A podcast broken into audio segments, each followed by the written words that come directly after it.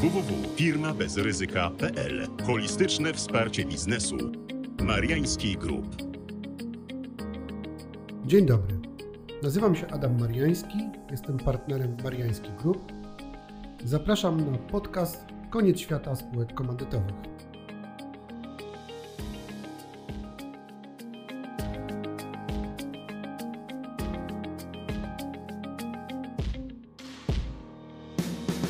Ostatnich 20 latach nastąpił niesamowity rozrost popularności spółek komandytowych. Wynikało to głównie z łączenia korzyści spółek osobowych i kapitałowych. Mieliśmy bowiem połączenie braku odpowiedzialności albo ograniczenia odpowiedzialności za zobowiązania tej spółki i korzystnego opodatkowania wspólników spółki komandytowej. Typową strukturą była struktura z wykorzystaniem spółki ZOO jako komplementariusza spółki komandytowej to ta spółka, posiadająca zwykle niewielki udział w spółce komandytowej, ponosiła pełną odpowiedzialność za wszystkie zobowiązania tejże spółki komandytowej. Były to zarówno zobowiązania cywilnoprawne, jak i również zobowiązania podatkowe. W takiej sytuacji drugi wspólnik, czyli komandytariusz, ponosił odpowiedzialność tylko do wysokości wniesionego wkładu sumy komandytowej. Jednocześnie komandytariusz, którym zwykle była osoba fizyczna, był opodatkowany podatkiem liniowym 19%. Zapewniało to połączenie korzystnego opodatkowania osób fizycznych, także działających w formie spółek cywilnych czy jawnych, z wyłączeniem odpowiedzialności. To ograniczenie czy wyłączenie odpowiedzialności miało czasami miejsce o wiele szerszym zakresie niż w przypadku samych spółek kapitałowych. Oczywiście najważniejsze było opodatkowanie, bo różnica między opodatkowaniem wspólnika spółki osobowej w wysokości 19%, a podwójnym opodatkowaniem wspólnika spółki kapitałowej była dość duża, dlatego że ten wspólnik był finalnie opodatkowany 34,4%. Oczywiście to nie jest jedyne uzasadnienie dla funkcjonowania tych spółek, dlatego że spółki komandytowe były wielokrotnie wykorzystywane na przykład w procesach sukcesyjnych to sukcesorzy, którzy nie chcieli ponosić pełnej odpowiedzialności, podejmowali ryzyko prowadzenia nieznanej do końca działalności, którą rozpoczęli ich rodzice, nestorzy tej firmy, nie chcieli wstępować jako wspólnicy w pełni ponoszący odpowiedzialność za zobowiązania tej spółki. Dlatego przystępowali do spółek komandytowych jako komandytariusze z mniejszym udziałem tej spółce. Jest to o tyle istotne, że również nie reprezentowali tej spółki, bo prawo reprezentacji przysługuje wyłącznie komplementariuszom. Dlatego też ta struktura była wykorzystywana również w przypadku, kiedy mieliśmy do czynienia z inwestorami biernymi, czyli takimi, którzy nie uczestniczą w prowadzeniu bieżącej działalności spółki, ale wnieśli jakiś kapitał po to, ażeby w przyszłości czerpać z tego korzyści. Takich rozwiązań nie możemy stosować w przypadku spółki jawnej czy partnerskiej. Dlatego też spółka komandytowa była również wykorzystywana przez podmioty zajmujące się działalnością profesjonalną zawody zaufania publicznego. Od paru lat ustawodawca powoli zwiększa opodatkowanie obciążenia polskich przedsiębiorców. Między innymi w roku 2019 wprowadził daninę zwaną również janosikową, czyli danina solidarnościowa. Jest to dodatkowy podatek w wysokości 4%, płacony przez, także przez wspólników spółek osobowych, czy też osoby, które prowadzą indywidualną działalność gospodarczą. Co jest istotne, danina solidarnościowa nie obciąża dochodów kapitałowych, a będzie to miało bardzo duży wpływ na korzystne rozwiązania wspólnika komplementariusza spółki komandytowej oraz komandytowo-akcyjnej po zmianach, które wejdą w życie w roku 2021.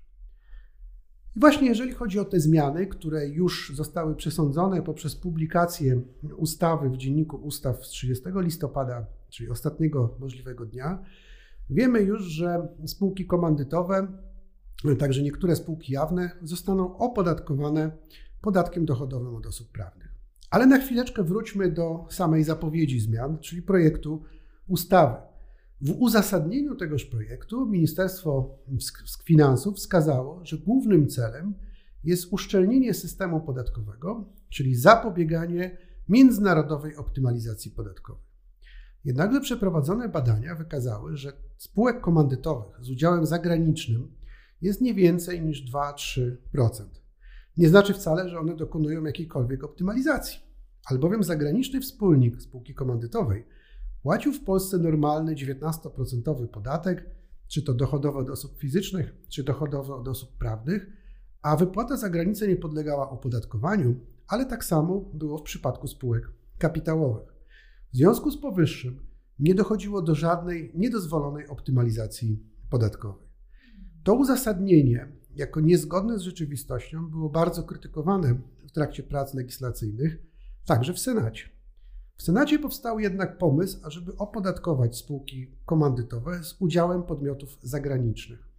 Jednak Senat nie zdecydował się na takie rozwiązanie, tylko całkowicie uchylił te przepisy dotyczące opodatkowania spółek e, komandytowych, e, przez co Sejm tak drastyczną zmianę odrzucił i w konsekwencji doszliśmy do opodatkowania wszystkich spółek komandytowych od roku 2021. Jeżeli opodatkowanie spółek kapitałowych ma być tym preferowanym celem działania ustawodawcy, to preferencyjne rozwiązania, np. w zakresie estońskiego podatku CIT, nie powinny być przewidziane tylko dla spółek kapitałowych. Powinny one być również dopuszczalne dla innych spółek opodatkowanych podatkiem dochodowym od osób prawnych. Jednakże ustawodawca wyraźnie nie lubi spółek komandytowych, ponieważ dla nich nie przewiduje takich preferencyjnych rozwiązań. Zastanówmy się zatem, jakie będą konsekwencje już uchwalonych zmian. Wiemy bowiem to, że od 1 stycznia 2021 roku spółki komandytowe staną się podatnikiem podatku dochodowego od osób prawnych. Jednakże na wniosek takiego podatnika stary reżim, czyli opodatkowanie wspólników, a nie samej spółki, może zacząć obowiązywać dopiero od 1 maja. Należy o tym pamiętać, ponieważ wiele podmiotów przygotowuje się do tych zmian, a zatem ten czas będzie niezbędny, żeby te zmiany wprowadzić, do czego wrócę jeszcze w dalszej części dzisiejszego podcastu. Musimy także pamiętać, że skoro spółka komandytowa staje się podatnikiem podatku dochodowego od osób prawnych, to jeżeli jej obroty od roku 2021 nie przekroczą 2 milionów euro, będzie opodatkowana 9% podatkiem CIT. Inni podatnicy będą płacić normalny 19% podatek dochodowy od osób prawnych. Następnie wypłata do wspólnika będzie opodatkowana również 19%, bowiem traktuje się ją jako dochody z kapitałów, czyli stosujemy standardową stawkę właśnie dla dywidend i innych dochodów z kapitału. To oznacza, że w przypadku małych podatników finalne obciążenie wyniesie 26,29%, czyli 9% podatku CIT oraz 19% dywidendy. Natomiast w przypadku pozostałych podatników to finalne obciążenie wyniesie prawie 34,4%, ponieważ mamy najpierw 19% podatku dochodowego od osób prawnych, a potem 19% podatku dochodowego od osób fizycznych jako dochód kapitałowy. Widzimy zatem, że w obydwu wariantach e, następuje znaczące zwiększenie obciążeń podatkowych, zarówno w przypadku małych spółek komandytowych, jak i również dużych podatników. Musimy także wskazać tutaj na istotną zmianę, która także będzie wpływała na pewne procesy reorganizacyjne w przypadku opodatkowania komplementariusza i komandytariusza spółki komandytowej. Otóż jeżeli chodzi o komplementariusza, będzie on podlegał opodatkowaniu na, na podatkiem 19% jako dochód kapitałowy, który jest wypłacany ze spółki komandytowej. Taka sama sytuacja do tej pory miała miejsce w przypadku spółek komandytowo-akcyjnych. Jednakże w jednym i w drugim przypadku komplementariusz od swojego podatku będzie mógł zapłacić podatek dochodowy zapłacony przez spółkę. Jeżeli zatem spółka zapłaciła 19% CIT, to komplementariusz już drugiego 19% podatku nie zapłaci. Jego dopłata wyniesie po prostu zero. Jeżeli natomiast spółka była małym podatnikiem i zapłaciła 9% podatek CIT, to komplementariusz musi dopłacić 10%, ale to i tak finalnie daje opodatkowanie 19%. Tym samym w takich sytuacjach nie dochodzi do podwójnego opodatkowania dochodu wypłacanego do komplementariusza. E, oznacza to, że komplementariusz znajdzie się w lepszej sytuacji niż komandytariusz, który będzie podwójnie opodatkowany podatkami dochodowymi. I dlatego też wielu polskich przedsiębiorców myśli o zmianie struktury spółek komandytowych poprzez zmianę swojego udziału w spółce z komandytariusza na komplementariusza. Jednocześnie należy pamiętać o tym, że te dochody kapitałowe, które są wypłacane wspólnikom spółki komandytowej, nie są objęte daniną solidarnościową, a tym samym nie płacimy już tych 4%. Może zatem się okazać, że w nowej strukturze, gdzie osoba fizyczna występuje jako komplementariusz spółki komandytowej, zapłaci mniejszy podatek niż płaciła do tej pory. Bowiem do tej pory powyżej miliona złotych płaciła nie tylko 19% podatku liniowego, ale również dopłacała 4% daniny solidarnościowej. Po odpowiedniej zmianie struktury zapłaci tylko 19% bez daniny solidarnościowej. Oczywiście to wiąże się także ze zmianą ryzyka, ze zmianą odpowiedzialności komplementariusza za zobowiązania spółki komandytowej. Dramatycznie inaczej wygląda sytuacja komandytariusza, który będzie podlegał opodatkowaniu dwukrotnemu. Czyli najpierw spółka zapłaci 19% podatek, mała 9%, a potem komandytariusz zapłaci po raz drugi 19% podatek od tej dywidendy, od tego dochodu kapitałowego. Jednakże ustawodawca przewidział taką małą ulgę dla komandytariuszy, a mianowicie wolna od podatku będzie kwota stanowiąca 50% przychodów uzyskanych przez komandytariusza ze spółki komandytowej, ale nie więcej niż 60 tysięcy złotych rocznie. Zatem w tym zakresie mamy częściowe zwolnienie dochodów komandytariuszy.